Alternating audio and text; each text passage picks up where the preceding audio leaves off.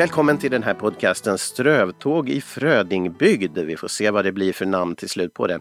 Och där träffar jag olika personer som har med Gustaf Fröding att göra. Som själva kanske har en relation till honom eller som har uppträtt med honom eller som annars känner för honom. Men också de som arrangerar ting och saker kring Gustaf Frödings minne. Så Gustaf Fröding-sällskapet är förstås deltagande i den här podcasten. Och nu ska vi ge oss iväg till en spännande plats utanför Karlstad. För en av de två huvudsakliga Frödingbygderna och det är Alsters herrgård. Och där har vi Miriam Kaukusalo med oss. Välkommen!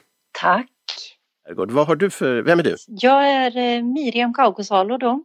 Kommer ifrån Karlstad men eh, har bott och varit verksam mycket tidigare inom musik och teater i Örebro och Malmö men eh, sen fick jag hemlängtan, flyttade tillbaka till Värmland och började jobba på Alsters herrgård som kulturassistent för sex år sedan är det nu. Och den här Alsters herrgård, ska vi beskriva den lite grann då, vad det är för någon för det är ju en riktig herrgård först och främst som ligger just utanför Karlstad. Precis, Alsters herrgård är Gustaf Frödings minnesgård i Karlstad. Eh, och eh, det är hit man kommer för att eh, uppleva Fröding, det här vi jobbar med att bevara minnet av Fröding då. Och det var Gustavs farfar Jan Fröding som köpte Alsters herrgård i början på 1800-talet. Eh, och det är också den plats som Gustaf Fröding föddes då den 22 augusti 1860. Ja, för att både före det att hans farfar köpte den och efter det så var det väl i andra, så det var inte en Frödinggård på det viset tidigare utan det började då 1800 ungefär. Precis, 1837 började det med släkten Fröding då.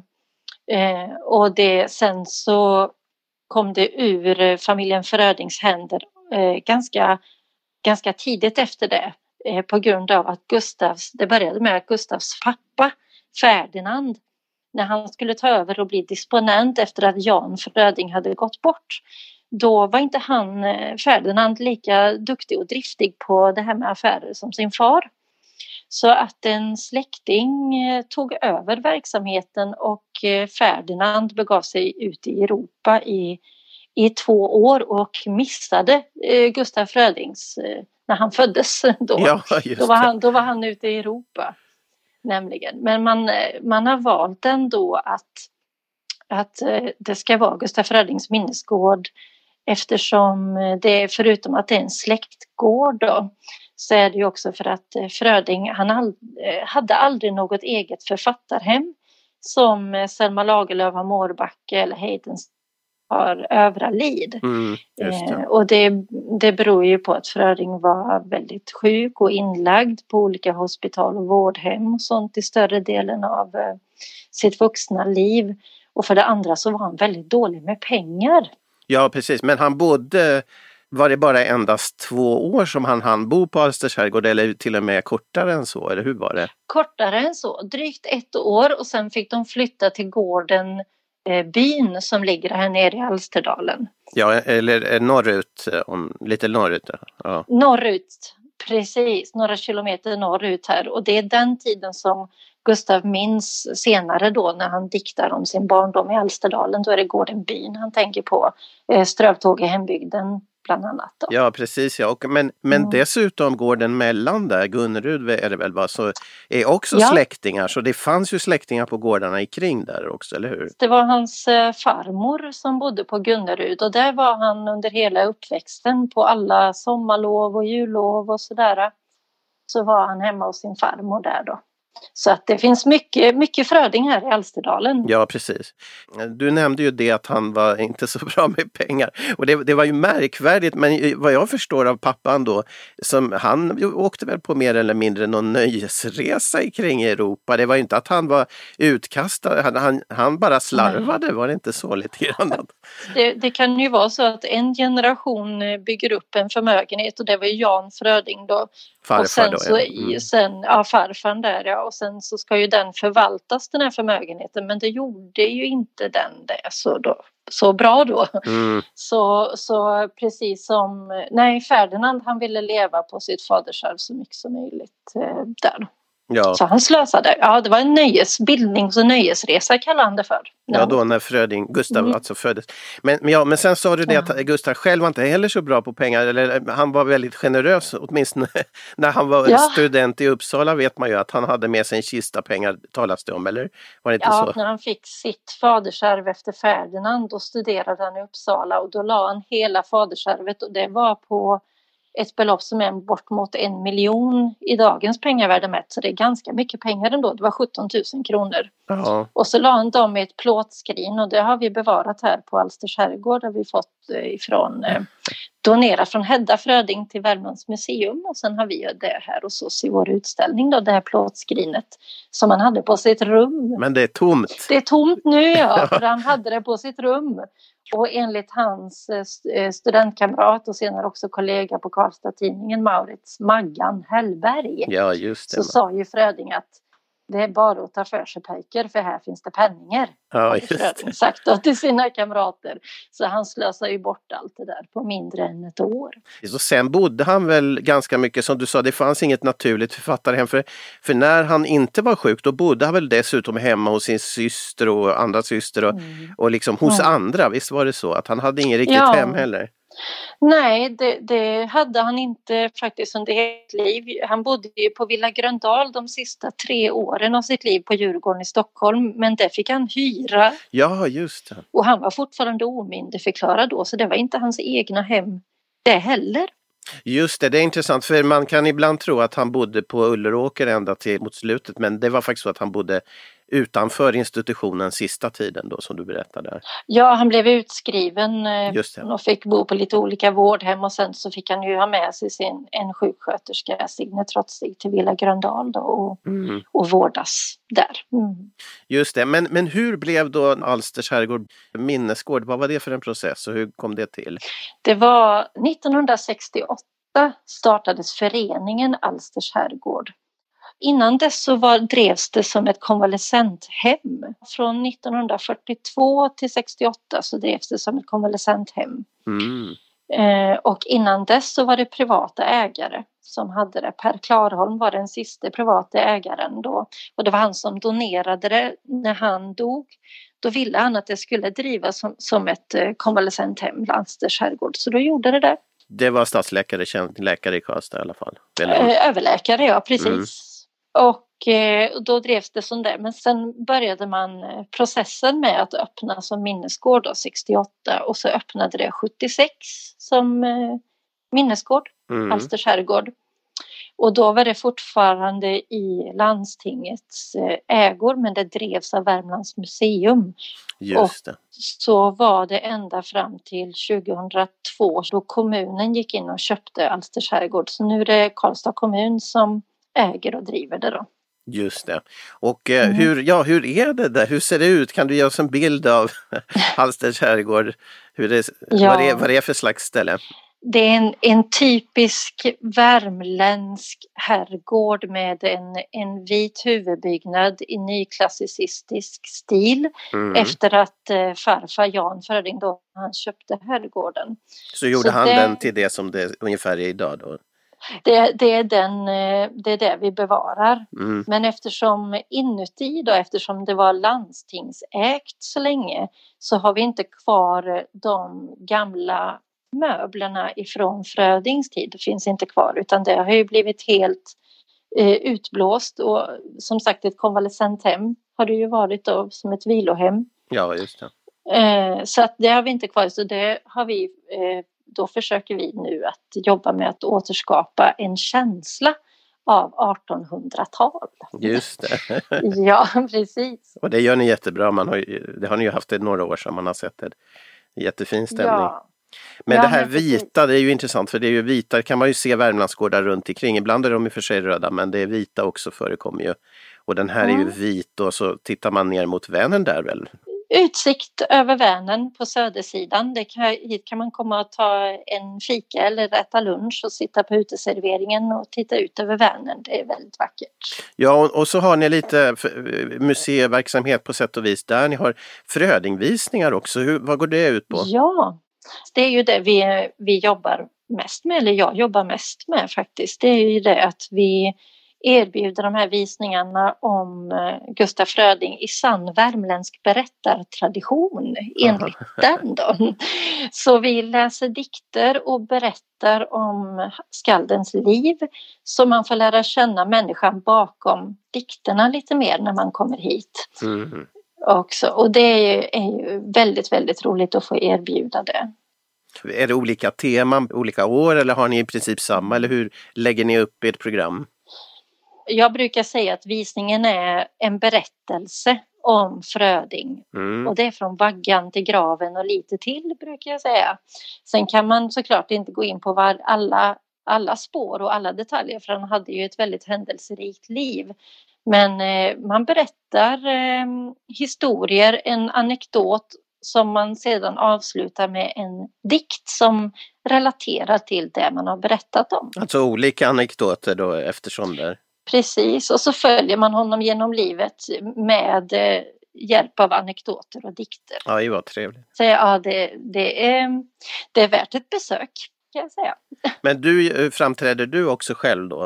Eh, de här ja, det kan hända. Det kan hända, men vi har också sommaranställda guider som vi har som är jätteduktiga, som är speciell, blir specialiserade som, som jag utbildar då. Mm.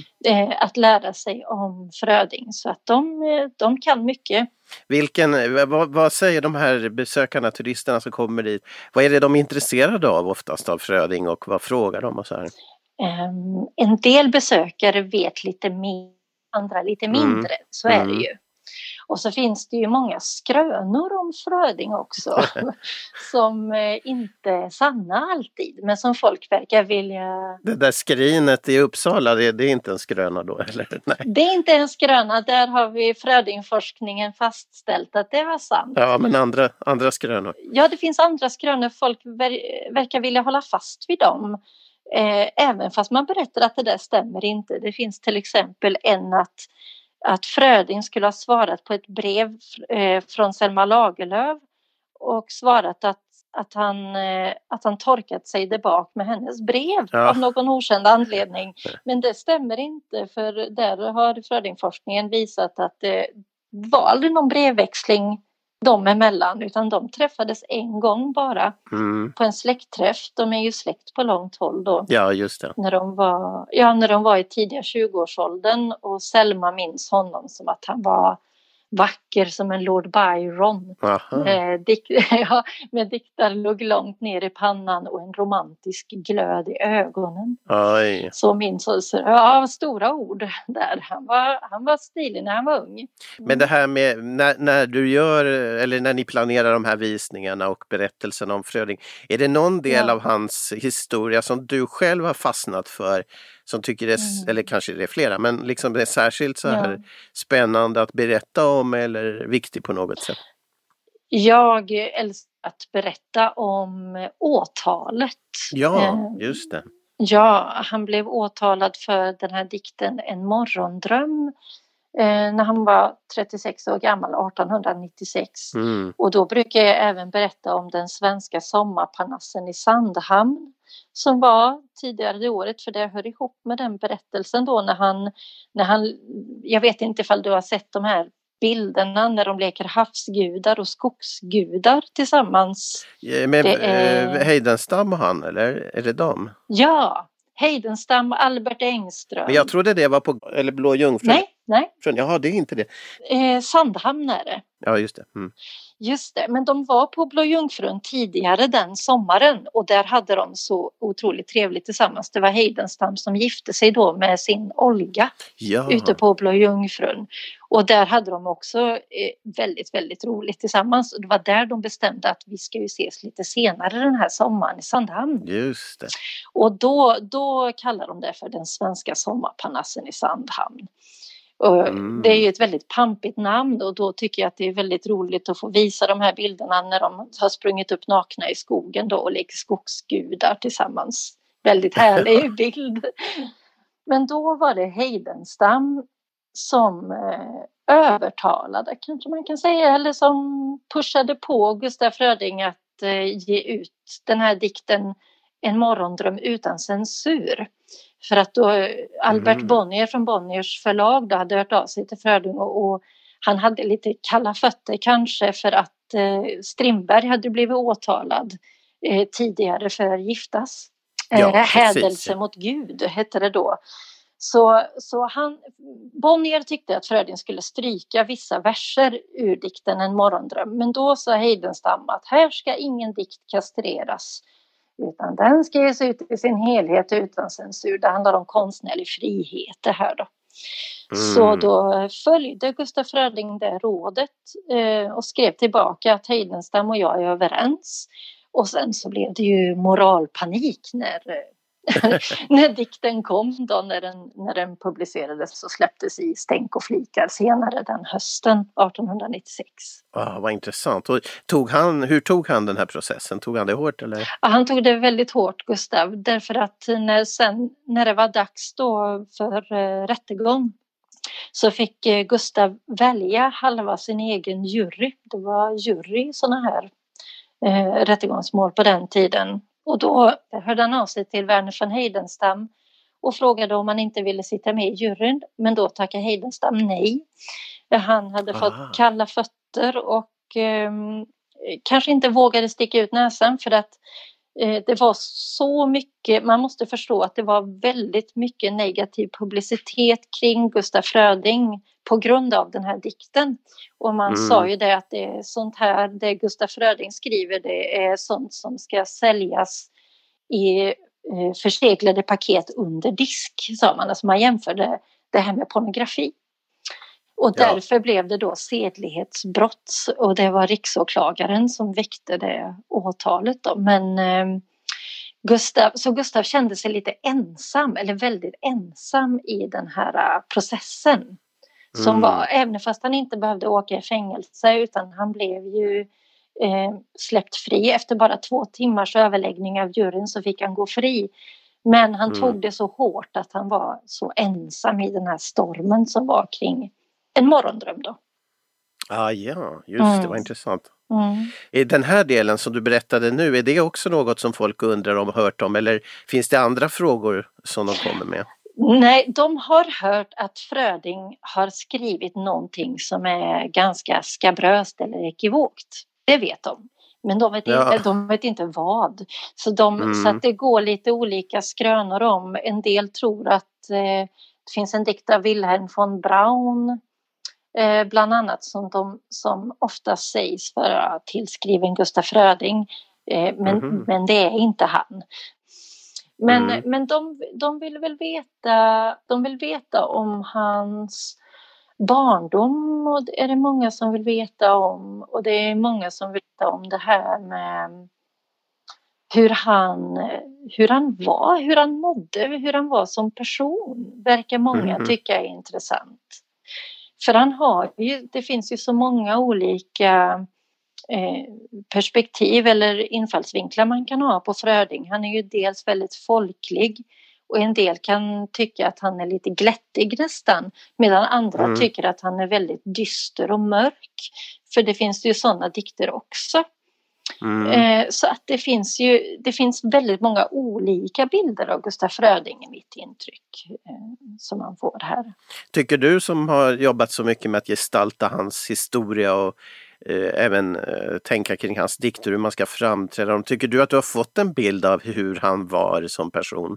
Har, har du byggt upp ja. en sådan? Ja, så att det nästan är som en, som en människa du känner? Eller? Ja precis, han har blivit som en, en vän har han blivit faktiskt. Okay. Eh, Gustaf Fröding lite grann. Man har lärt känna honom eh, i litteraturen som, eh, som man har läst och sådär då så tycker jag att man har fått en, en bra bild av Gustaf Fröding. Framförallt nu med den här nya årsboken som kommer ifrån eh, Gustaf Fröding-sällskapet som Ida Bäckman mm. skrev då om eh, Gustaf Fröding. Alltså hennes, eh, kan man kalla det biografi om honom? Eller? Nej, det är nog mer, eh, oj, oj, oj, vad ska man beskriva den? Det är ju en, det är ju en roman. Men det är, ja. ju hennes in, det är ju hennes intryck som är ganska eh, färgat av hennes egna tankar och känslor som hon uttrycker. Men eh, ja. då är det Gustaf Fröding som hon skriver om då, så han, han är skildrad av Ida Bäckman. Och det är efter att han har dött så att det här är minnen som hon, eller hur? Ja, Visst? Hon, hon, precis, hon hälsade på honom mycket på Uppsala hospital när han var inlagd där. Och då, gjorde hon, då skrev hon anteckningar som hon, om deras besök. Och som mm. hon gav till hans läkare bland annat för att han ville veta hur det var ifall Gustav gjorde några framsteg eller inte så nära Gustaf Fröding mm. då. då. Mm. Eh, så hon har mycket, använt sig mycket av de anteckningarna och breven som eh, de skrev också. Då. Ja, just det. Och, och, och, den blev inte så uppskattad av eh, familjerna så här den här berättelsen så den kom Nej. lite i skymundan, eller hur? ja, den blev, hon fick Sveriges litteraturhistoria sämsta rykte nästan. Hon, ja, den okay. blev väldigt eh, skandalomsusad bok när den kom 1913. Och det var ju två år efter att Fröding hade dött. Mm, eh, och bo, den här boken hade ju kunnat bli väldigt hyllad för eftersom den kom så rätt i tiden, bara två år efter att han hade gått bort så kommer det en bok om Gustaf Frödings liv och mycket om hans liv just på hospitalet och den här mörka tiden då. Mm. Men eh, nu var det ju yrvädret Ida Bäckman som skrev den och inte eh, rätt person om man säger så då. Utan eh, Ida Bäckman eh, hon var ju lite speciell då. Och hon skrev ju väldigt öppet om den här tiden på, då Fröding var inlagd på Uppsala hospital och det är den mörkaste tiden i skaldens liv. Eh, mm. Eh, han försökte ta livet av sig på olika sätt, han hade hallucinationer, svår ångest och han var uppfostrad strängt eh, kristen då som han hade med sig från barndomen. Och han hade lärt sig mycket om sanningens dygd, att man alltid skulle vara ärlig, så han var nästan sjukligt ärlig och hade ett behov av att bikta sig också då. Och det mm. var ju inte alltid uppskattat och det var Ida Bäckman som lyssnade på mycket av den här bikten. Så till den grad att hon mådde fysiskt dåligt av att lyssna på det. Till och med. Ja, mm. Okay. Men det är lite grann det här att ta fram negativa svarta sidor. Men mm. Det är lite farliga grejer det där att, att gå, gå in på de delarna, eller? Um, nej, det tycker jag inte. Vi pratar ju väldigt öppet i vår uh, visning mm. då. Uh, berättelsen om Fröding så pratar vi om hans alkoholism och att han... För han var ju så ärlig i sig. Ja. Då, då blir det ju konstigt ifall vi inte ska vara ärliga med vem han var. Men det väcker en del ont blod, det har gjort genom tiden. Att... Ja precis, just när Ida Bäckmans fall så var det ju inte uppskattat eh, alls utan eh, när Gustaf Fröding dog så var ju han oerhört folkkär. Han, det var ju man har ju beräknat det till 200 000 människor som var ute på Stockholms gator för att ta farväl av Gustaf Fröding när han ja. dog och det var landssorg och sådär. Så att sen att hon kom och lyfte fram eh, hans mörka sidor, nej det var inte populärt. Nej det förstår man. Det, det var det inte, nej. Men inte desto mindre Eh, intressant. Ja, verkligen. Okej, okay. det här är alltså 2020 du berättar om den årsboken som ni, mm. vad heter boken nu? Den heter Gustaf Fröding skildrad av Ida Bäckman. Just det, en nyutgåva kan vi säga då. Av den ja. Men hur är det avslutningsvis att jobba med eh, du, du känner Gustaf som din vän nu och du jobbar med honom ständigt och mm. jämt. Och, hur är det där? Jag tänker ju att man jobbar med en eh, väldigt intressant eh, person. Jag ser honom som väldigt känslig med ett stort samvete. Det finns, mm. Jag tycker han är en väldigt sympatisk figur. Mm. Eh, det här samvetet hängde ganska tungt över honom i livet och han brottades mycket med dubbelmoral som fanns på den tiden. Man hade ett stort patos för samhällets utstötta överhuvudtaget. Mm. Och han skrev ju för Karlstad-tidningen också och det var ju en radikal tidning på den tiden som stod för eh, kvinnors rösträtt. Till exempel skrev han om och var mycket för, mm. bland annat då. Eh, och det, det här med att kvinnor skulle få rösta, det var inte helt oproblematisk fråga i slutet av 1800-talet. Så för mig eh, Gustaf Fröding avantgarde tycker jag. Mm. Han, han, gick i, han gick i spissen i många frågor och levde som han lärde. Ja. eh, är, ärligheten igen där då. Ja, precis. Ja. Och jag tycker att han eh, speciellt, man kan ju se det med det här åtalet som jag pratade om tidigare, att eh, om man har lyckats skriva en dikt som eh, en, en text som existerar uppe i huvudet och som blev nedpräntad som en dikt och det väcker en sån moralpanik. Mm. Då tycker jag att man har tagit pulsen på samhället. Ja, vad intressant. Eh, och verkligen kan kalla sig poet. Nej, vad roligt, trevligt. Men eh, mm. favoritdikter, eh, har du någon att nämna mm. som du skulle vilja?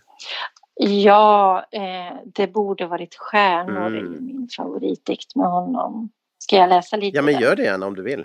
Ja, jag kan ta några verser ur den. Jag, tycker, jag älskar den så mycket. Mm. Eh, den är ifrån Stänk och flikar, alltså samma diktsamling som En morgondröm. Det borde varit stjärnor att smycka ditt ämne som länkar och spänne och stråldiadem om ditt hår. Där silverljusa skira och bak gyllne bleka små strimmor såg oss leka likt strimmor de ett norrsken i kvällrymdens sår. Jag tänkte, du är rik i att älska och svärma, att fostra och värma, all skönhet, all kärlek, allt ljus i din själ. Vad båtar dig din rikedom? Till skam skall den vändas och trampas och skändas som skogens viol av en stigmans häl. Men kanske har det bättre och ädlare gått dig när människorna försmått dig kan hända hava Paris beskyddat din gång. För mig var du en ljusgestalt i nattens tid upprunnen, vid morgonen försvunnen. Jag minns dig som en stjärna, en saga, en sång. Oj, vad fint. Tack så mycket. Verkligen trevligt. Vad är den här dikten för dig? Den handlar ju om en eh, en kvinna som eh, har blivit försmådd av människorna då. Så jag tolkar det ju som att eh, han skriver om, han skriver faktiskt om en servitris mm.